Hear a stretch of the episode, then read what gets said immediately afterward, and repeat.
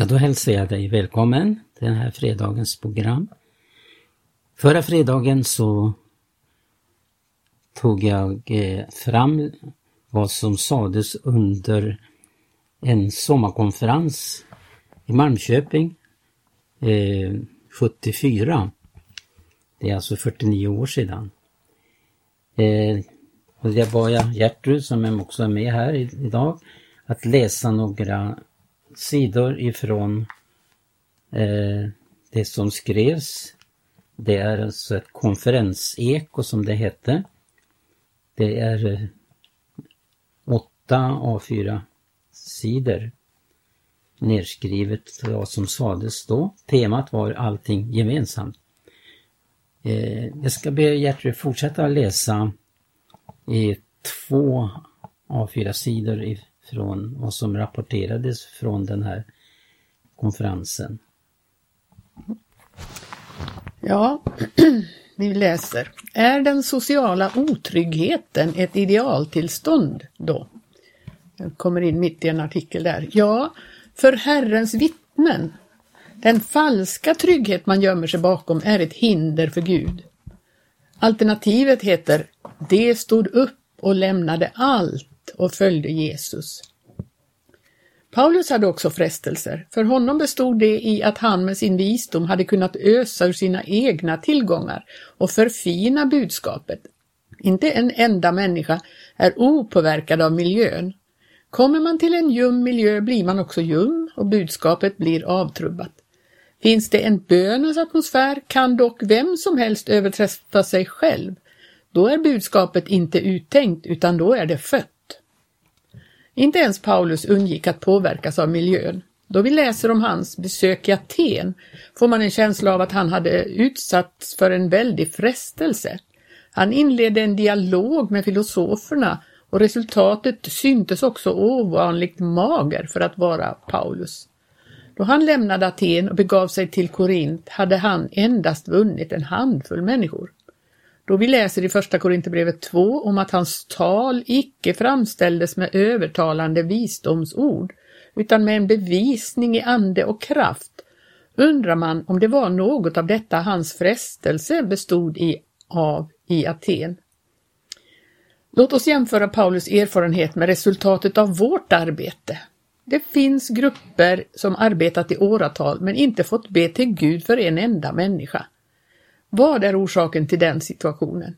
Inte kan det väl bero på budskapet? Frågan är väl vad vi gjort av det? Kanske vi håller på att intellektualisera eller spiritualisera budskapet så att det saknas uppenbarelsens kraft. Istället för att proklamera börjar vi resonera oss fram. Det finns ingen chockverkan i budskapet längre. Är det inte så att vi förfinats, inte bara som talare utan som personligheter, vi har anpassat, anpassat oss så till den rådande livsstilen att spänningsfältet neutraliserats. Det finns ju tusentals predikanter och vittnen i det här landet, men allt som bärs fram verkar så ytligt och profillöst. En del har stått i åratal och stampat på samma ställe. Varför blir man inte nervsjuk? Det vi behöver är en grundlig personlig omvändelse. Många har också upplevt sin situation ohållbar, men istället för att omvända sig har man börjat orientera sig åt andra håll. När vi började 1961 i Örebro var vi ensamma. Vi sjöng och klappade i händerna och man menade att vi var ett utslag av nyhedendom. Idag är det som då sades så med i den karismatiska väckelsen och nu har biskoparna också börjat klappa i händerna. När syndarna klappade i händerna var det hedendom, men när biskoparna började göra det så var det kristendom. Därefter tog de också rytmen. Då sa man att nu är det öppet och så började en efter en gå tillbaka till samfunden. Men vad vi skulle göra är väl inte att retirera utan vi borde väl istället rycka fram en bit ytterligare och behålla distansen. Jag tror att Maranata har en historisk uppgift. Jag tror inte att vi är det enda Guds folk som finns, men jag tror att Gud har en speciell uppgift i Sverige. Människor måste kunna få vägledning om var de befinner sig och undervisning om Guds väg. I Apostlagärningarna 2 möter vi ett underbart program för församlingen. Kapitlet är i första hand inte historia utan komprimerad profetia. Och där möter vi idealmönstret för församlingens mötesliv, offerliv, böneliv och familjeliv. Apostlagärningarna 2 är indelad i tre delar. En karismatisk del, en teologisk och en socialetisk del. Många har överbetonat den karismatiska delen och blivit spiritualister. Man låter sig ledas av profetior, uppenbarelser och syner och har därigenom blivit mediala och mystiska. Det finns en uppenbarelse som står över alla. Guds eget ord är vårt verksamma korrektiv. På samma sätt är det många som överbetonat den teologiska delen och hamnat i intellektualism. De är rädda för livsyttringarna och har därför skapat sig en stelbent liturgi som de följer ända till gudstjänstens slut. Finns det något mer ohyggligt än människor som äger teologisk lärdom men saknar andligt liv? Sista delen av Apostlagärningarna 2 är den socialetiska delen. De flesta uppfattar dock den delen bara som ett oviktigt bihang. Så är det inte. Om vi frigör sista delen från det övriga, då får vi enbart filantropi. Den delen har många försökt förvandla till ett samhällsprogram. Förutsättningen för förverkligandet av det är dock andeuppfyllelse. Vi kan inte kräva att världen ska fungera i den riktningen, lika lite som vi kan begära att hela världen ska börja tala i tungor. Skulle den börja göra det så skulle vi bli förskräckta och undra vad det är som är inspirationskällan. Hur ska världen och samhället kunna fungera kristet när knappt ens de kristna kan fungera så? Det är i församlingen alla skillnader kan utjämnas. Alla skillnader av social, åldersmässig eller kulturell art. Församlingen ska vara andesmord genom gåvorna, Jesus förkroppsligad genom tjänsterna och synliggjord i något helt väsensskilt från världen. Vi har annars accepterat en livsstil som är nästan ett med världen. Lärjungarna sa, se vi har övergivit allt. Var det bara ett symboliskt tal? Menade man enbart att man var frigjord i sitt inre? Nej, det var ett bokstavligt tal.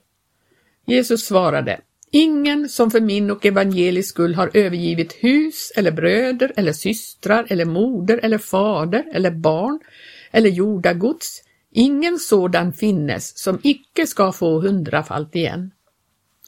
För all försakelse som efterföljelsen för med sig finns det kompensation. Det betyder icke att Jesus säger kom och bli frälst så ska jag ordna upp din sociala situation. Han menar inte heller att vi ska ge för att få mer tillbaka. Nej, dessa löften församlingen i församlingen får vi det vi behöver för att fungera i den miljö vi befinner Om vi accepterar detta och överlämnar allt, då skulle det bli revolution. Då skulle vi häpna över vad som skulle ske. Det kommer att bli evangelisationscenter över hela landet där människor kommer att gå in under livsbetingelser som annars syns omöjliga att gå in under. Ja, Ja, det som du hörde läsas nu, det, det var ifrån konferensekot, så det var eh, nedskrivet då. Det som sades under den här konferensen eh, 74 i Malmköping. Och det var Arne Imsen som eh, då hade de här bibelstudierna. Vi ska förflytta oss lite längre tillbaka i tiden eh, början av 1900-talet. Och eh, som du hörde också, det som upplästes här så betonar det vikten av eh, ett Herrens vittne är uppfylld av den helige Ande, äger Andens visdom och kraft. Och vi ska eh, få ett vittnesbörd eh, nedskrivet, det var TV Barat, eh, om sin andedogsupplevelse och vad det betydde. Och det här är hämtat från en bok som heter Anden och vi har beslutat. Eh, den är skriven av Nils-Olof Nilsson. Och jag ber Gertrud fortsätta läsa här då så får vi en inblick i vad det betyder att bli uppfylld av den heliga Ande. Sen ska vi titta på en upplevelse som och ett budskap som eh, Spurgeon Eh, på 1800-talet framförde. TV Barrat beskriver sitt andedop. År 1905 for TV Barrat till USA för att samla in pengar till ett projekt kallat Hakonsborgen. Det var menat att vara kopplat till ett socialt projekt, Christiania bymission. Av den norska kungen fick Barrat lov att använda sig av namnet Hakon. Med eh, rekommendationsbrev från bland annat den metodistiska Europabiskopen William Burt begav sig Barrat till Amerika. Men det dröjde inte länge förrän han märkte att den helige ande hade andra planer för honom. För det kom inte in särskilt mycket pengar och han fick snart lämna projektet åt sitt öde. Barat hade under en längre tid bett oavbrutet om medel till Håkonsborgen, men förgäves. Då förstod han att Gud hade något bättre i beredskap för honom. Hans blickar vändes mot Los Angeles och Azusa Street och den märkliga väckelse som pågick där. En brevväxling utspann sig mellan Barrat och väckelsens företrädare i Los Angeles och man gjorde där allt för att stötta honom i hans ivriga och outtröttliga längtan efter Andens dop. För att erhålla dopet i Anden började en vandring med Kristus som förde honom in i en intensiv längtan efter renhet. I ljuset av Guds renhet och helighet såg Barat hur eländigt naken han var. Han blev medveten om sin äregirighet, själviskhet och kötslighet. I sitt sökande läste han om Dwight Moody och hans predikan över Johannes 3 och 16 och upplevde hur hans egen kärlek till Kristus växte. I sin självbiografi säger han att i skrivande stund är mitt hjärta så fullt att jag nästan inte förmår fortsätta. Men Barat hade fortfarande en väg att gå och på sin vandring får han tag på Charles Finneys levnadsbeskrivning och hans längtan efter andedopet växte till höga rop efter hjälp. Hans starka inre känslor tvingade honom att öka böneintensiteten och han började fasta, något han inte var särskilt van vid. I ett brev från Azusa Street uppmuntrades Barat att lämna allt i Guds händer, en total självuppgivelse. I brevet kan man se att han hade ställt frågor till gruppen om hur han kunde få reda på huruvida han var andedöpt. Brevets författare skriver Du behöver inte frukta när du är under blodet. Den fullkomliga kärleken driver ut räddhågan. När den helige ande kommer över dig ska du veta det. Vid ett tidigare tillfälle skriver Barat i byposten om hur Azusa Street rent av exploderat i andliga upplevelser. 13 000 hade redan blivit andedöpta och alla talade i tungor så som på pingstdagen. Han nämner även om sång i anden. Barats längtan efter en mäktigare erfarenhet av anden ledde till slut fram till en märklig upplevelse den 6 oktober 1906. Han beskriver det med egna ord på följande sätt. Under söndagskvällen inemot fem började jag att gråta igen och elden förnams åter i mitt bröst. Jag gömde ansiktet i en handduk för att dämpa mina rop så att jag inte störde dem som bodde vid sidan av mig. Men det dröjde inte länge förrän jag skrek så högt att man säkert kunde höra mig lång väg om de inte larmat så väldigt på gatan. Efter en stund badade jag i svett. Jag kunde inte styra mig själv och blev gripen av Guds kraft i hela mitt väsen. Den for som en brusande ström genom hela min kropp också. Det här var inte andens dop, det visste Barrat. Han förstod att det var ett slags försmak av andens dop. En erfarenhet som han skulle få uppleva lite mer än en månad senare, nämligen den 15 november 1906. För han skriver i sin självbiografi Herren visade mig likväl under denna brist i min erfarenhet att det är möjligt att få mottaga kraftiga upplevelser av anden utan att tala i tungor. Men om vi tar emot ett fullt pingstdop såsom lärjungarna i begynnelsen, då åtföljdes detta av tungotal, profetiskt tal och lovprisning. Men i synnerhet ska tungotalet göra sig gällande. Den 15 november 1906, efter en månad av intensiv kamp som ibland fick honom att tvivla på andedopet, att det var för honom, var det dags för Jesus att definitivt bekräfta den längtan Barat burit på under så lång tid. Barat fortsätter. Det var inte många människor med på kvällsmötet, men Guds kraft var mäktigt nära. Jag bad mötets ledare strax före midnatt att lägga sina händer på mig och bedja för mig. Ögonblickligen började Guds kraft att verka i min kropp såväl som i min ande. Jag var liksom Daniel alldeles hjälplös under den gudomliga beröringen och måste stödja mig vid ett bord på plattformen där jag satt, men gled slutligen ner på golvet. Åter började mina talorgan komma i verksamhet, men inga ljud hördes. Under det jag bad såg de närvarande en eldkrona över mitt huvud och en kluven tunga ovanför kronan. Det var många som såg detta övernaturliga starka röda sken. Jag såg det naturligtvis inte själv, men i samma ögonblick fylldes hela mitt hjärta med ljus och en obeskrivlig kraft och jag började tala ett främmande språk med all makt. Man skulle kunna tro att det hela nu var över. Han hade upplevt kraften och talat i tungor. Allt det här var nytt för Barrat, för han hade aldrig sett någon bli andedöpt och aldrig hört någon tala i tungor. Men det gör samtidigt hela hans upplevelse desto mer intressant. Man skulle annars kunna tänka sig att han kopierade någon annans upplevelse. Det skulle åtminstone hans motståndare kunna påstå. Men det fanns mer att få för Barrat. Fortsättningen av det här andliga dramat andas både äkthet och ärlighet. Barrat fortsätter. En lång tid låg jag på rygg på golvet och talade. Därefter lade jag mig på mina knän med slutna ögon. Detta fortgick en tid. Slutligen satte jag mig på en stol och hela tiden talade jag i olika slags tungor med korta mellanrum. Under det jag talade ett av dessa språk kände jag en märkbar förändring i stämbanden. Jag är säker på att jag talade sju eller åtta språk. Det vackraste i allt sammans var sången. Då nådde inspirationen sin höjdpunkt. Jag bröt fram i ett underbart baritonsolo. Jag hade förr aldrig hört melodin och kände ej heller till orden, men det var ett övermåttan vackert språk. Det gick så lätt och ledigt att uttala orden. Sedan dess har jag sjungit sånger i anden vid flera tillfällen och idag har anden oavbrutet sjungit igenom mig på ett främmande språk.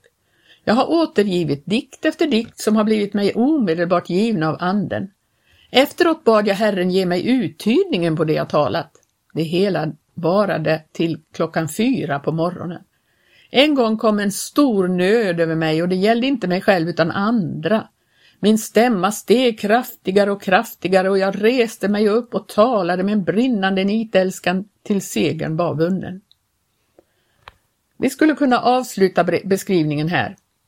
Men det som hände de närmaste dagarna efter den här sällsamma upplevelsen visar på den kraft som förmedlas genom andedopet.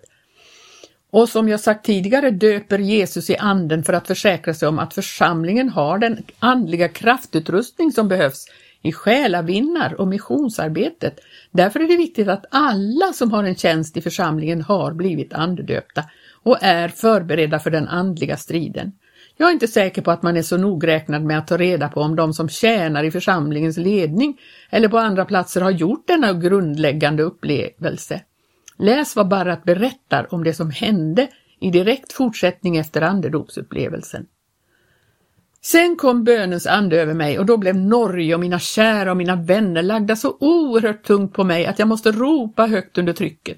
Hela Skandinavien, hela Europa, New York och Amerika lades på mitt hjärta på samma sätt. Aldrig har jag kunnat bedja på ett sådant sätt förut. Det var anden själv som bad genom mig med outsägliga suckar. Jag deltog i flera möten efter mitt andedop och blev vittne till många märkliga ting. Jag höll inte tillbaka mina nya min nya erfarenhet utan berättade överallt om andedopet och tungotalet som åtföljde det jag har dessutom verkat på gatorna. Om vi ska summera TV Barats intressanta vandring fram till hans andedop och tiden efteråt så kan man säga följande. 1. Andedopet var onekligen en kraftutrustning. Den var artskild upplevelsen med anden som alla kristna upplever och som kan beskrivas som en mognadsprocess genom vilken vi likbildas med Jesus. 2. Tungotalet uppfattade Barat som tecknet på andedopet, något han försvarade hela sitt liv. Andedopet är en gåva men kan inte undfås hur som helst. 3. Andedopet skapar böneatmosfär. 4. Andedopet skapar nöd för människor och önskan om att vittna om Jesus. 5. Det finns upplevelser som påminner om andedopet men är ofta preludiet till en större och mäktigare upplevelse. Många förväxlar andedopet med denna sorts erfarenhet. Barat förstod skillnaden. Ja. I början här så läste då Gertrud ifrån det här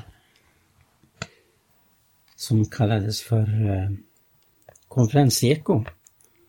Och det var ju Arne Imsen då som talade den här veckan. Och eh, där är det tre ting då som eh, eh, är viktiga att ta fasta på vad som skedde i den första församlingen. Där det handlar om den teologiska delen, den karismatiska delen och den sociala delen. Och vi fick ju ett vittnesbörd av T.B. Barat, vad han fick uppleva. Men vi har också ett vittnesbörd av eh, Spurgeon som blev det på 1800-talet. Och eh, vi hinner nog kanske med också, det är inte så många rader. Charles Spurgeon och Uppenbarelsen en av de mest kända pastorerna och förkunnarna från 1800-talets väckelserörelser var den engelske predikanten Charles Spurgeon. Han var ett föredöme för många av pingströrelsens ledare och pastorer och hans böcker återfinns på många av deras bokhyllor. I boken Kristendomens första dagar hittar vi tankar som vore det tagna direkt från Azusa Street-väckelsen. Ja, de kunde vara tagna från en lärobok i praktisk teologi eller homiletik skriven av en pingstteolog. Han ska leda er till hela sanningen. Elden giver ljus, men den gör mer än så, den sätter föremål i brand med vilka den kommer i beröring. På samma gång som lärjungarna blev upplysta och lärde sig förstå frälsningens väg blev de även av samma ande upptända med en lågande kärlek ett brinnande nit och en allförtärande självförsakelse. Nu var de beredda att gå ut bland människorna och tala, icke med den överlägsna logikens stelfrusna tunga, utan med den glödande hänförelsens heliga värme, med vilken de överbevisade, övertalade och nödgade människorna att komma till Kristus och motta evigt liv. Elden betecknade även att de blev inspirerade. Gud gjorde dem till talare som befann sig under gudomligt inflytande. Spurgeon var noga med att framhålla hur viktigt det var för lekmannapredikanten att äga Andens kraft. Han var orädd och skrädde inte orden när han kritiserade liberalteologerna eller de självgoda predikanternas vackra predikningar. Skriver så här. Om vi, mina bröder, ska få se stora skaror omvända så måste predikanten uppfyllas med den helige Andes kraft. Jag fruktar likväl att det finns en hel mängd församlingar som skulle vara mindre belåtna med det med predikanter, vilka inte har någon annan kraft än den helige Andes, ty de bedöma predikanten efter hans upphöjda stil, hans sköna bildrika framställningssätt eller hans mångsidiga lärdom. De behöver icke den helige Andes eld utan kunna åtnöjas med vältalighetens blixtar. De frågar icke efter den helige Andes mäktigt framfarande vind. När man tänker på vad som verkligen hände i väckelsens begynnelse, den kamp som pionjärerna utkämpade på flera olika fronter samtidigt, då framstår det med all tydlighet att det menade att Bibelns strategi var vida överlägsen de mänskliga påfunden. Det var i ordet man hittade trons kärna och innehåll, inte hos liberalteologerna, inte vid fakulteterna eller de självgoda teologerna, hur intelligenta dessa än var föll många av deras argument platt till marken när de prövades inför Guds ord. Det säger mig att teologins mäktigaste redskap inte alltid är de smarta tänkarna eller de mänskliga vishetslärarna vid våra universitet och högskolor. Många gånger kan det vara det som ingenting var som anden använde för att nå folkens hjärtan och föra dem fram till Kristus. Teologin har framgång endast så länge anden spelar huvudrollen i människors möte med bibeltexterna. Ordet har nämligen ett transcendent perspektiv som endast kan fångas av anden. Paulus säger på flera ställen att det var i Herren som meddelade honom vissa läror. Han säger att jag har själv tagit emot från Herren vad jag meddelade er.